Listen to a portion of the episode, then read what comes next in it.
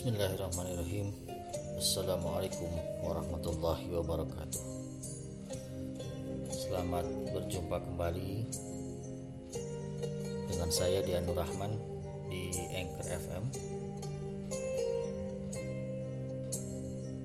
Dan Ini adalah podcast saya yang kesekian Untuk mengisi Perkuliahan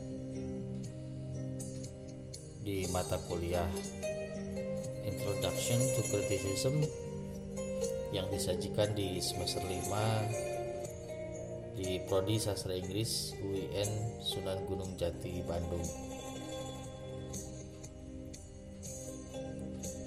Selamat malam, selamat pagi, selamat siang, selamat sore, kapan pun Anda mendengarkan.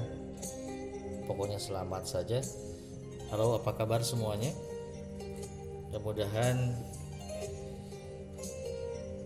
tetap saya doakan semuanya dalam keadaan sehat walafiat. Doakan juga saya doakan juga kita semuanya. Semoga segera terlepas dari pandemi yang tentunya bagi kita sangat berat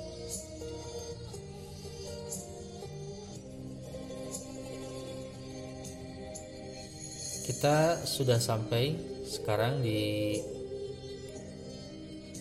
hampir penghujung perkuliahan. Tersisa tinggal satu materi lagi yang nanti bakal dipresentasikan oleh para presenters di semua kelas tentunya. Tersisa satu materi yang terakhir adalah materi terkait dengan bagaimana kritik sastra menjadi bagian dari kritik sosial budaya. Dan itu didasarkan pada Matthew Arnold. Dan podcast kali ini saya fokuskan pada topik transcendentalism in poetry dan didasarkan pada teks dari Ralph Waldo Emerson's The Poet. Esai The Poet karya Ralph Waldo Emerson. So saudara uh, sebetulnya ini bisa menjadi bagian kedua ya atau mungkin ya uh, part 2 lah ya bagian kedua dari uh, penjelasan saya mengenai transcendentalism karena sebelumnya saya sudah uh, pernah membuat podcast tentang transcendentalism dalam kaitannya dengan mata kuliah Survey of American Literature yang disajikan di semester 3. Jadi uh, di sini saya tidak akan terlalu banyak membahas um, apa itu transcendentalism. Kemudian perbedaan persamaan transcendentalism dengan romantisisme itu apa saya akan skip saja itu karena anda bisa uh, apa ya mungkin ini dentuman kembang api terekam. Ini malam tahun baru ya saya merekamnya di malam tahun baru malam tanggal 1 Januari 2021 ya malam tahun baru diisi dengan membuat podcast saja ya. Ya saudara-saudara eh,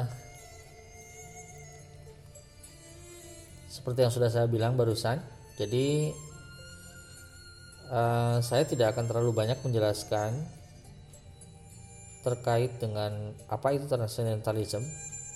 Jadi topics for discussion yang ada di buku yang um, apa yang di halaman kita lihat di halaman berapa topics for discussionnya halaman 223 di buku saya jadi um, satu poin satu dua atau nomor satu dua tiga empat itu saya akan skip. Dan anda silakan mendengarkan uh, podcast saya. Masih di Anchor FM dan anda boleh kunjungi Spotify dan semua um, apa digital platform uh, listening digital platform yang lain seperti Google Podcast, Apple Podcast dan yang lainnya. Dan terutama Spotify ya karena saya yakin uh, saya yakin dan saya percaya bahwa anda uh, apa handphone anda atau ponsel anda uh, itu pasti ada Spotify-nya. Jadi silakan saja di di Spotify dicari uh, Transcendentalism.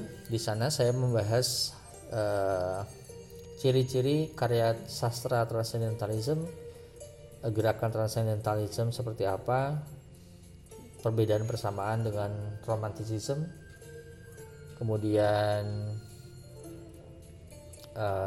ciri-ciri uh, yang paling fundamental dari karya-karya transcendentalisme itu seperti apa dan sebagainya. Jadi lebih lebih ke karya ya. Kalau yang di lebih ke karyanya ya. Kalau yang di apa yang di mata kuliah Survey of American Literature.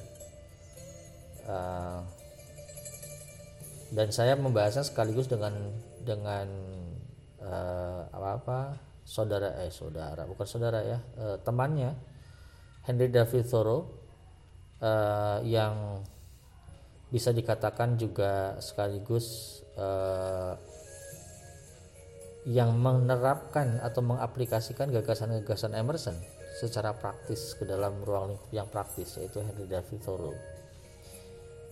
Jadi kalau Anda di kemarin yang presentasi itu ada yang juga membahas Henry David Thoreau ya tidak apa-apa. Memang uh, apa?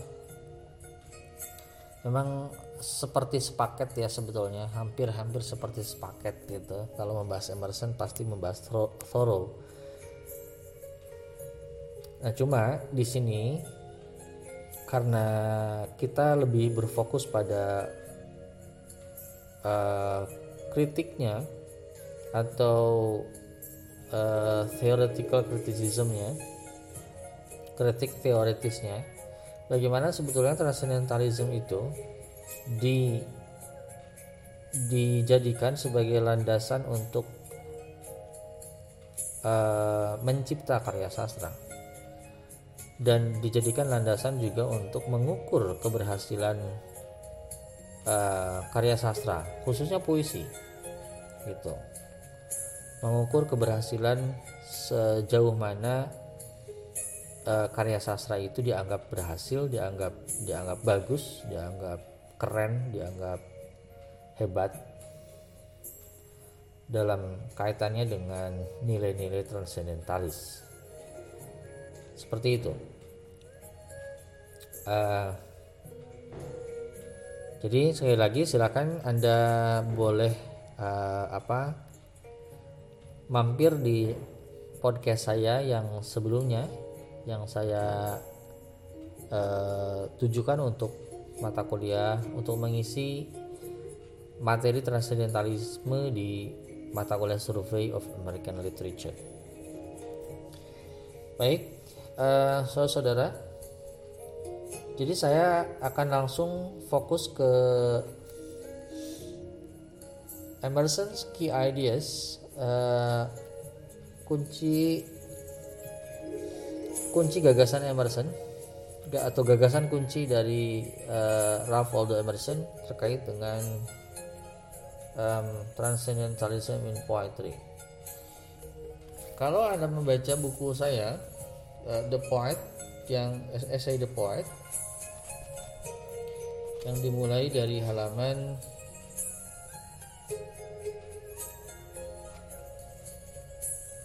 203 ya.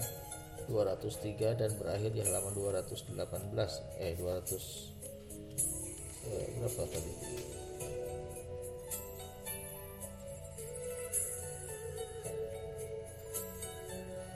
Ya 200 223 uh, saudara-saudara di di halaman halaman awal bukan awal juga sih uh, 200 di halaman 205 ya?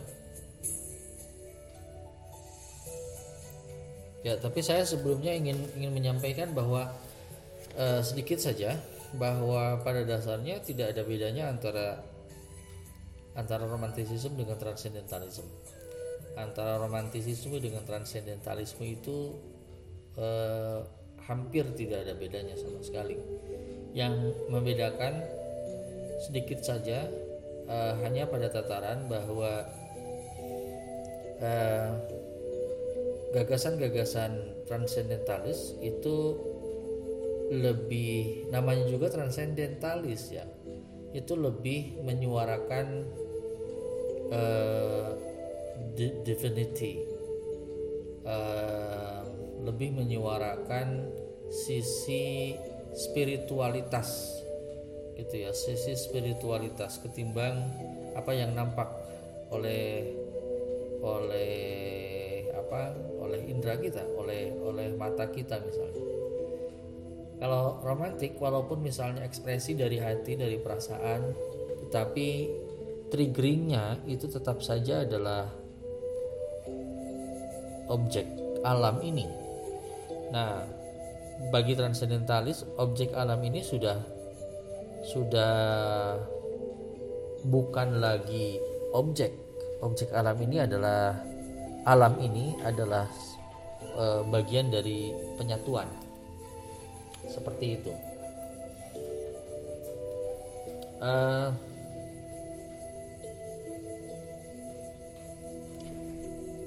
Dan satu lagi adalah bagi para transcendentalis sama seperti romantik uh, cakupan awalnya itu adalah poet ya. Itu cakupan awalnya adalah penyairnya. Jadi yang menjadi dasar ukurannya adalah keberhasilan itu adalah bagaimana penyairnya. Penyairnya yang yang bagus karena yang namanya teori romantik itu selalu atau termasuk transcendentalis transcendentalism itu selalu uh, berorientasi pada uh, prinsip pendekatan kritik ekspresif yang berorientasi pada penulisnya pada pengarang. Uh, kita langsung lanjut di uh, halaman 205 yang saya janjikan tadi. Halaman 205 saudara-saudara. Um, saya akan membaca dari uh, atas langsung ya.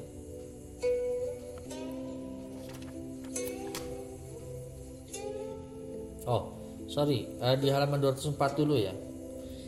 Um, yang menyatakan ada poet itu seperti apa. Jadi di halaman 204 ada paragraf di bawah. He is isolated among his contemporaries by truth and by his art, but with this consolation in his pursuits, that they will draw all men sooner or later, for all men live by truth and stand in need of expression in love, in art, in avarice, in politics, in labor, in games. We study to utter our painful secret. The man is only half himself, the other half is his expression. Jadi, uh, manusia pada dasarnya itu memiliki setengah dirinya, setengah lagi itu adalah ekspresi dirinya. manusia yang baik manusia pada akhirnya manusia yang baik adalah manusia yang bisa menyeimbangkan. Menyeimbangkan uh, antara dirinya dengan ekspresinya antara antara body dengan soul. Nah seperti itu kita lanjutkan saya lanjutkan ya membacanya dulu Notwithstanding this necessity to be published, adequate expression is there. I know not how it is that we need an interpreter, but the great majority of men seem to be minors who have not yet come into possession of their own, or mutes, who cannot report the conversation they have had with nature there is no man who does not anticipate a supersensual utility in the sun stars, earth and water. This stand and a way to render him a peculiar service. But there is some obstruction of or some excess of claim in our constitution, which does not suffer, uh, which does not suffer them to yield the due effect too feeble for the impressions of nature on us to make us artists. Every touch should thrill, every man should be so much an artist that he could report in conversation what had befallen him. Ya, segitu dulu. Jadi pada dasarnya manusia itu sudah menjadi seniman bagi bagi dirinya, bagi apa yang sudah dimiliki uh, di dalam dirinya dan dan dia dan dan manusia pada dasarnya harusnya uh, sudah bisa melakukan satu bentuk conversation katanya satu bentuk percakapan dengan dengan dengan hatinya dengan alam dengan dengan apa nilai-nilai yang dia yakini kebenarannya. Seperti itu. Dan Uh, Emerson melanjutkan, yet in our experience, the rays or pulses have sufficient force to arrive at the senses, but not enough to reach the quick and compel the reproduction of themselves in speech. The poet is the person in whom these powers are in balance, the man without impediment sees and handles that which others dream of, traverses the whole scale of experience, and is representative of man in virtue of being the largest power to receive and to impart. Dan pada kenyataannya katanya tidak semua manusia akhirnya bisa melakukan itu, bisa mem, me, apa, melakukan sebuah percakapan, bisa melakukan sebuah in, apa e, melakukan e, satu intensitas percakapan yang baik dengan alam, dengan dirinya, dengan hatinya. Seperti itu dan e, penyairlah akhirnya yang katanya orang yang justru memiliki kekuatan ini. Jadi penyair itu bisa menyeimbangkan the man is only half himself the other half is his expression tadi. Nah, seperti itu ya. Uh, dan itulah yang kemudian menjadikan human expression ini sebagai individual uniqueness. Gitu individual uniqueness. Dan the poet is the one who has it. The poet penyair sastrawan uh, seniman adalah orang yang punya kekuatan itu punya uniqueness itu. Gitu ya. Uh, di 205 masih di bawah. The poet is the sayer the namer and represents beauty. He is a sovereign on stains on the center for the world is not painted or adorned but is from the beginning beautiful and God has not made some beautiful things, but beauty is the creator of the universe. Therefore, the poet is not any permissive potentate, but its emperor in his own right. Criticism is infested with a cant of materialism, which assumes that manual skill and activity is the first merit of all men, and disparages such as say and do not, overlooking the fact that some men, namely poets, are natural sayers sent into the world to the end of expressions and confounds them with those whose province is action but to quit it to imitate sayers. Nah, jadi uh,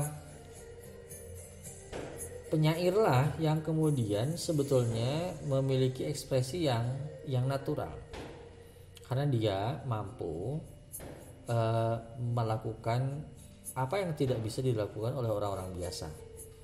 Bercakap-cakap dengan alam adalah e, berdialog dengan alam adalah satu upaya untuk memaksimalkan potensi diri.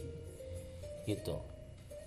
E, melihat alam bukan lagi sebagai objek, melihat alam bukan lagi sebagai satu bentukan sebagai karya Tuhan, tetapi melihat alam sebagai sudah sudah bagian dari satu uh, sorry melihat alam adalah satu keindahan. Apa pun yang disajikan alam itu adalah satu keindahan. Gitu. Maka uh, the poet does not wait for the hero of or the sage, but as they act and think primarily. So he writes primarily what will and must be spoken, reckoning the others, though primary is also yet in respect to him. Secondary is and servants as sitters or models in the studio painter or assistants who bring building materials to an architect. Jadi um, penyair itu, sastrawan itu, seniman itu, dia menulis tentunya dari apa yang akan dan dia harus uh, ungkapkan.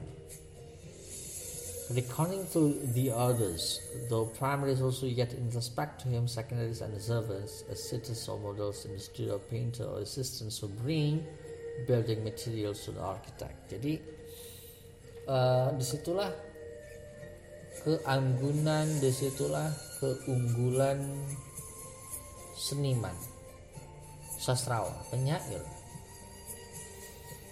uh, dan apa yang kemudian diungkapkan itu adalah alam itu sendiri. Makanya alam itu bukan lagi-lagi bukan bukan hanya bukan dilihat sebagai objek.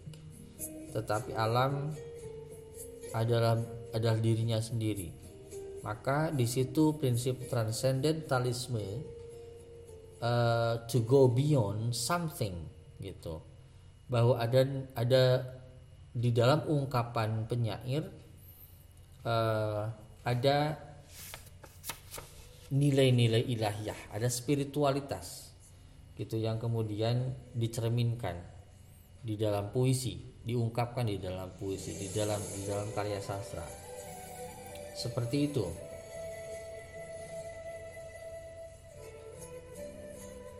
Uh, kemudian?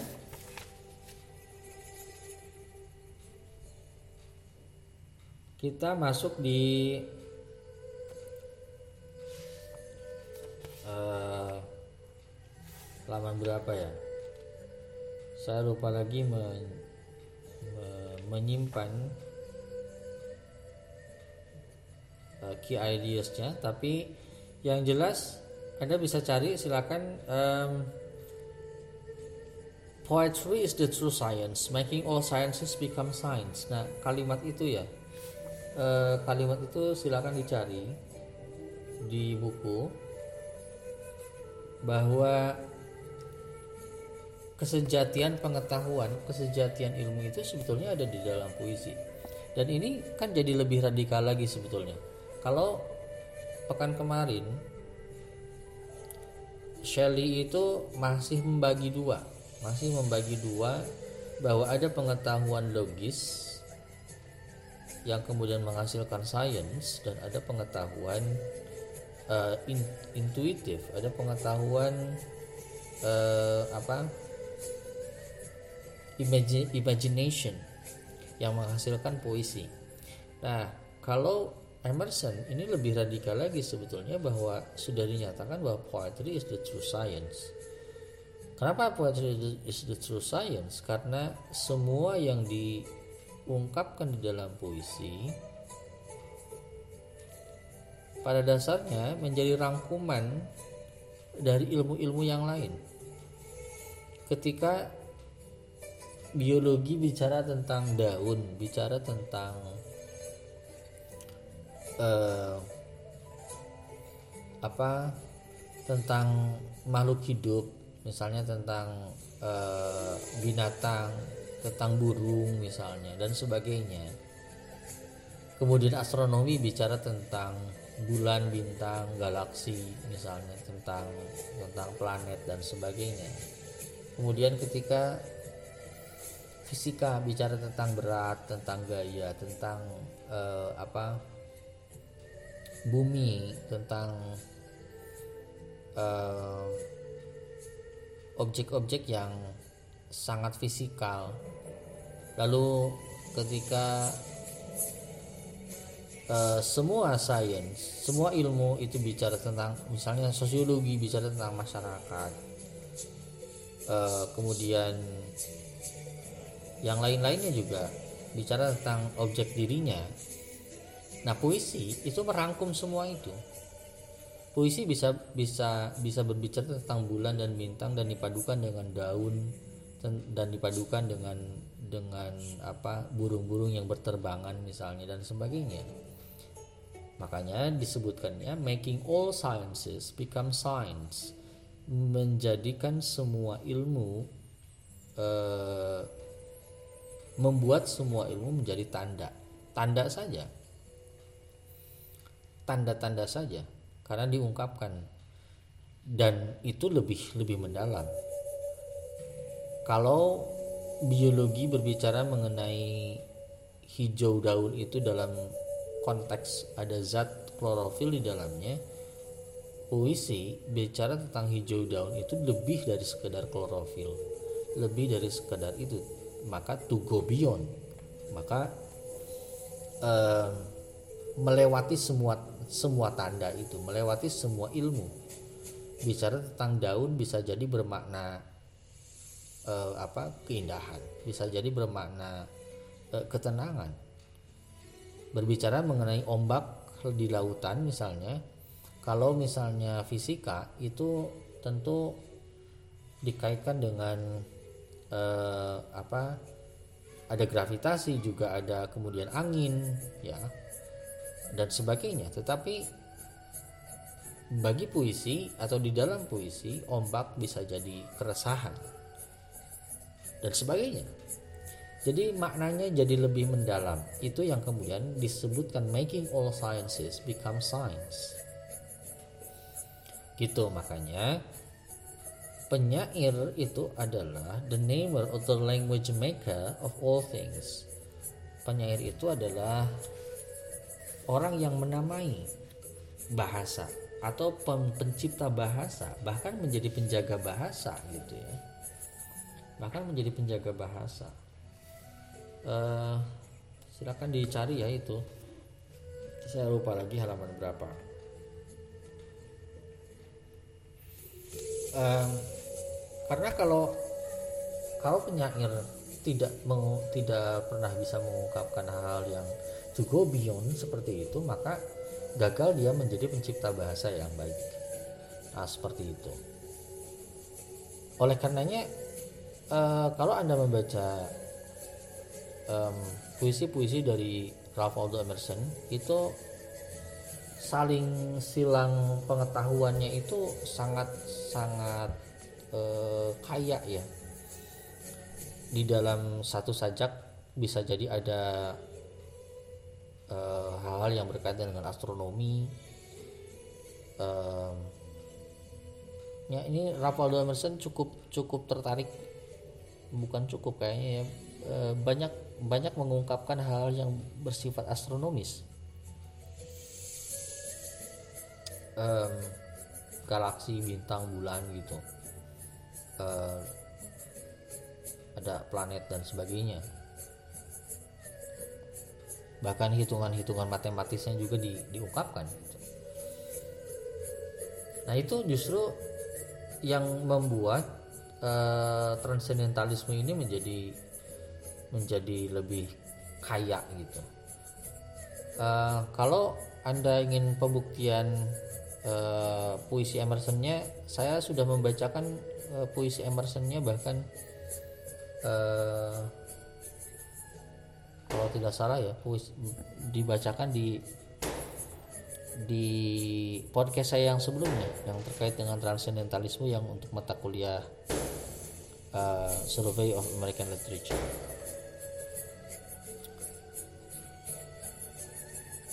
Ya, kita lanjutkan. Dan pada akhirnya um, ketika nature atau alam itu dianggap sebagai um, apa sumber yang paling kaya untuk kekuatan kekuatan penyair maka sebetulnya alamnya sendiri itu menjadi bahasa yang simbolik untuk diungkapkan sebagai uh, keindahan yang lebih tinggi dan lebih baru jadi to go beyond lebih lagi lebih lebih lagi. Ada nilai lebih dari setiap kata yang diungkapkan. Walaupun itu hanya sekedar misalnya daun yang melayang di terpa angin misalnya. Selalu ada nilai lebih dari apa yang diungkapkan. Itu yang menjadikan Emerson ini menjadi uh, salah satu tokoh transendentalis yang paling disegani, paling dihormati karena memang gagasan-gagasan utamanya ada di Emerson. Transendentalisme itu. Intinya adalah ada, ada pada penyatuan sebetulnya. Ada ada union antara microcosm dengan macrocosm.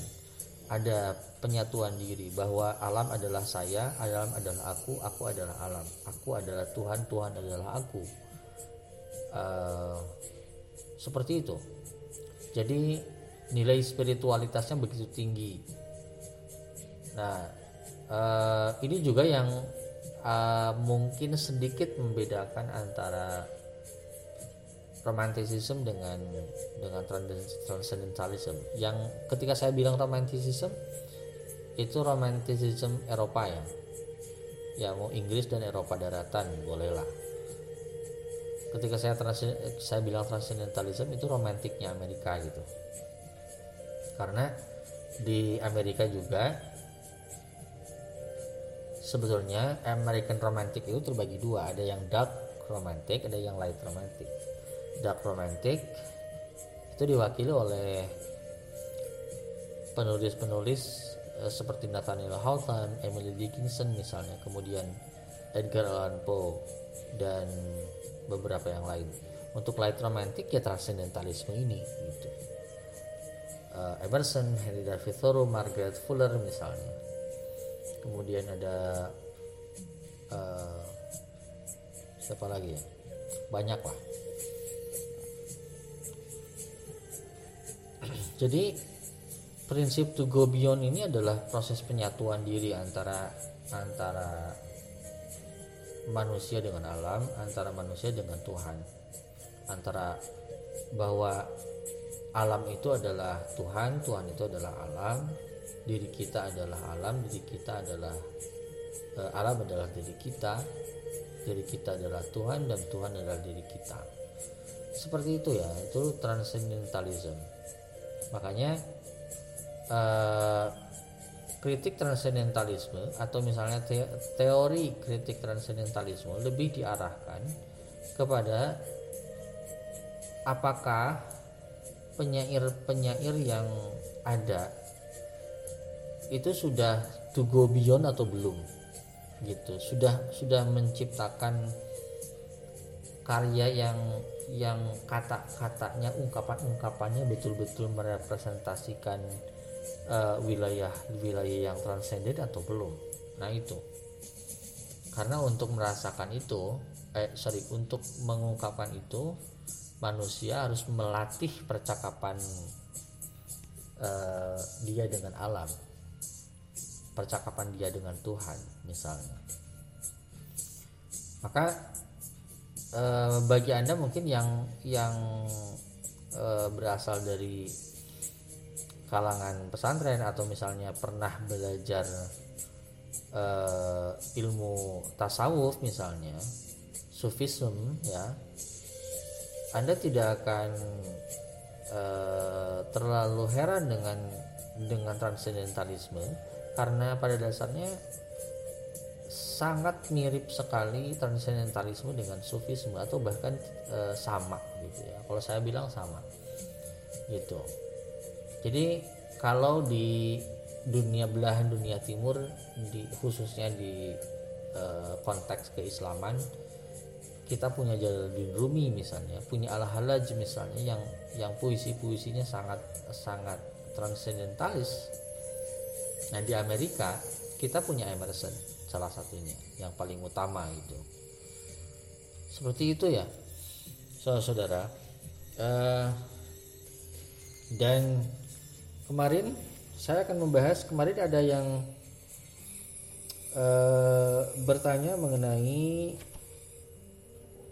eh, apakah ada paradoks? Karena kenapa misalnya para penyair justru mencintai menyukai eh, minum-minuman menyukai kopi menyukai teh opium narkotik misalnya tembakau misalnya dan sebagainya eh, kenapa ada paradoks seperti itu atau apakah itu adalah sebuah paradoks? Bagi saya itu bukan paradoks, justru um, apa ya?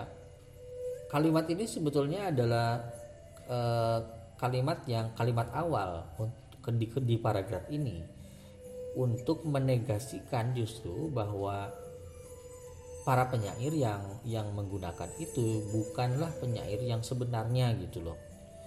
Anda bisa terutama yang bertanya ya kemarin e, bisa membaca di tengahnya ya e, di tengahnya itu di, di paragraf itu but never can any advantage be taken of nature by a trick the spirit of the world the great calm presence of the creator comes not forth to the sorceries of opium or of wine the sublime vision comes to the pure and simple soul in a clean, and untouched body. That is not an inspiration which we owe to narcotics, but some kind of fate, excitement, and fury. Milton says that the lyric poet may drink wine and live generously, but the epic poet, he who shall sing of the gods and their doesn't unto men must drink water out of a wooden bowl. For poetry is not devil's wine, but God's wine. Nah, seperti itu. Jadi uh, hal-hal yang jadi jadi kan gini um, sederhananya ya. Para penyair itu banyak yang untuk menghasilkan e, karena ingin sekali menghasilkan satu karya yang hebat banyak yang di apa di trigger oleh hal-hal tadi oleh narkotika oleh anggur ya minuman kafiti opium dan sebagainya tapi hal itu hanya sementara gitu hanya kesementaraan. Karena penyair yang yang sejati sastrawan yang sejati tidak memerlukan itu semua gitu. Hal yang seperti itu itu tidak diperlukan karena jiwanya sudah bersih sudah bisa sudah bisa me, menyatukan dirinya dengan alam menyatukan dirinya dengan Tuhan. Nah seperti itu um, itulah transendentalisme saudara-saudara. Uh, banyak sekali sebetulnya yang bisa diungkapkan dibahas tapi uh, saya membatasi diri karena pada dasarnya um, saya sudah membuat podcast ini. Maksudnya saya sudah membuat podcast sebelumnya tentang transcendentalisme. Jadi supaya tidak tertumpuk gagasan-gagasannya saya sudahi saja untuk untuk pembahasan the poet ini. Yang penting anda mendapatkan uh, satu pemikiran bahwa transcendentalism in poetry itu seperti apa. Bahwa puisi yang bagaimana yang kemudian yang bagus kan gitu.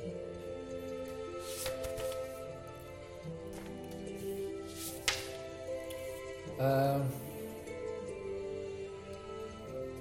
ya.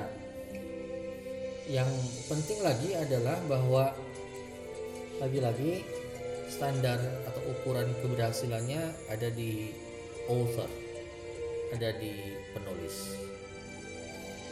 Dan penulis yang seperti apa? Yang yang bisa menghasilkan menciptakan karya sastra. Kata Emerson Anda bisa membaca di halaman terakhir dimulai dari uh,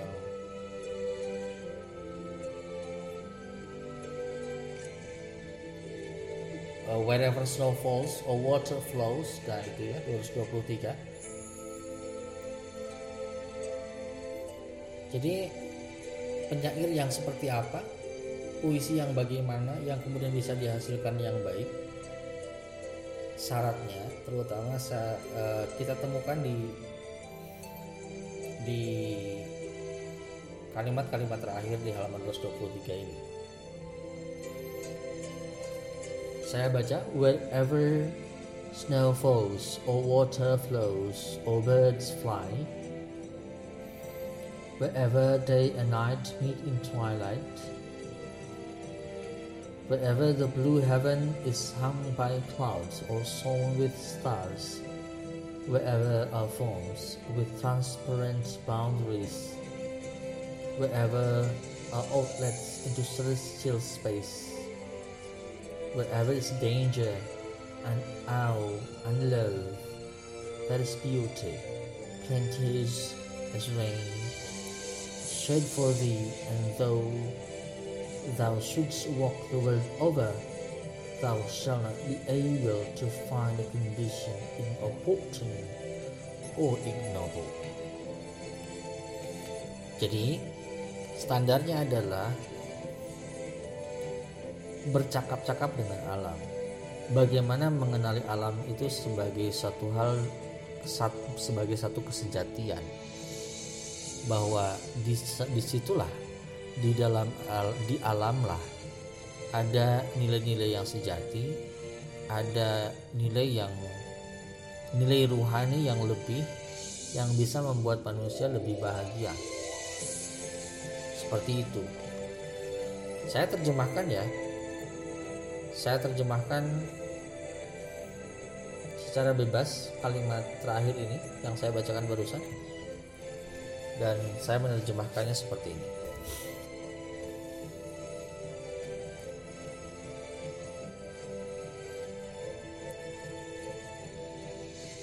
Di mana pun salju terjatuh atau air mengalir atau burung-burung terbang di udara di mana pun senjakala mempertemukan siang dan malam, di mana pun langit biru tergantung bersama awan atau menaburkan bintang gemintang, di mana pun bentuk-bentuk tercipta bersama cakrawala. Ketika jalan menuju ruang angkasa tercipta, ketika ada bahaya dalam hidup, ketika ada kekaguman, dan ketika ada cinta di situlah keindahan menghadirkan dirinya. Deras seperti hujan, dan kau tak akan menemukan satupun yang tak bermana. Kau tak akan menemukan satupun yang tak bermakna kala engkau berjalan mengelilingi dunia. Ya, itu terjemahan saya. Uh, mudah-mudahan bisa diterima poet, uh, poetisasinya.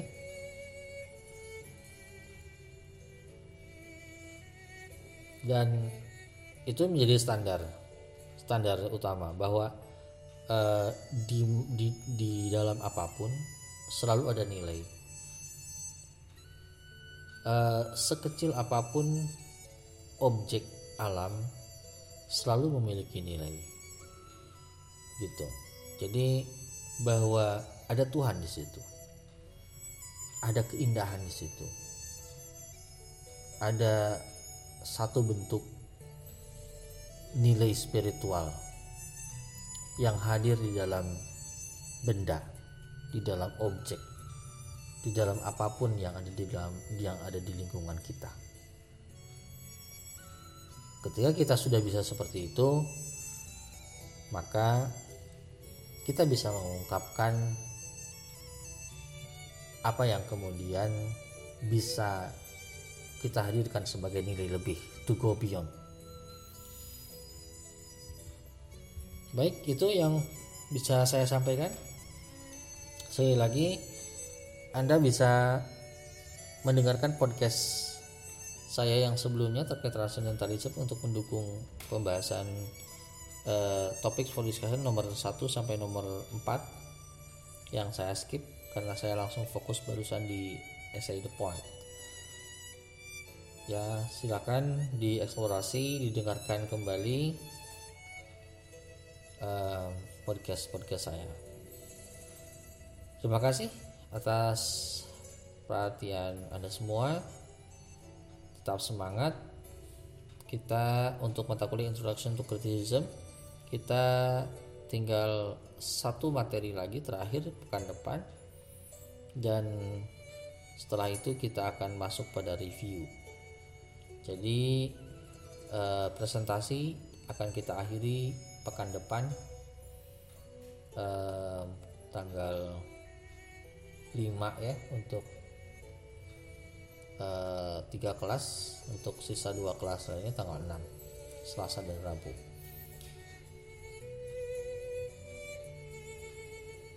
Ya itu saja yang bisa saya sampaikan. Sekali lagi terima kasih atas perhatiannya. Mohon maaf atas segala kekurangan saya. Selamat tahun baru untuk semuanya. Dan siapkan mental yang baja untuk menghadapi apa pun yang terjadi di tahun 2021 yang akan dimulai esok hari. Assalamualaikum warahmatullahi wabarakatuh.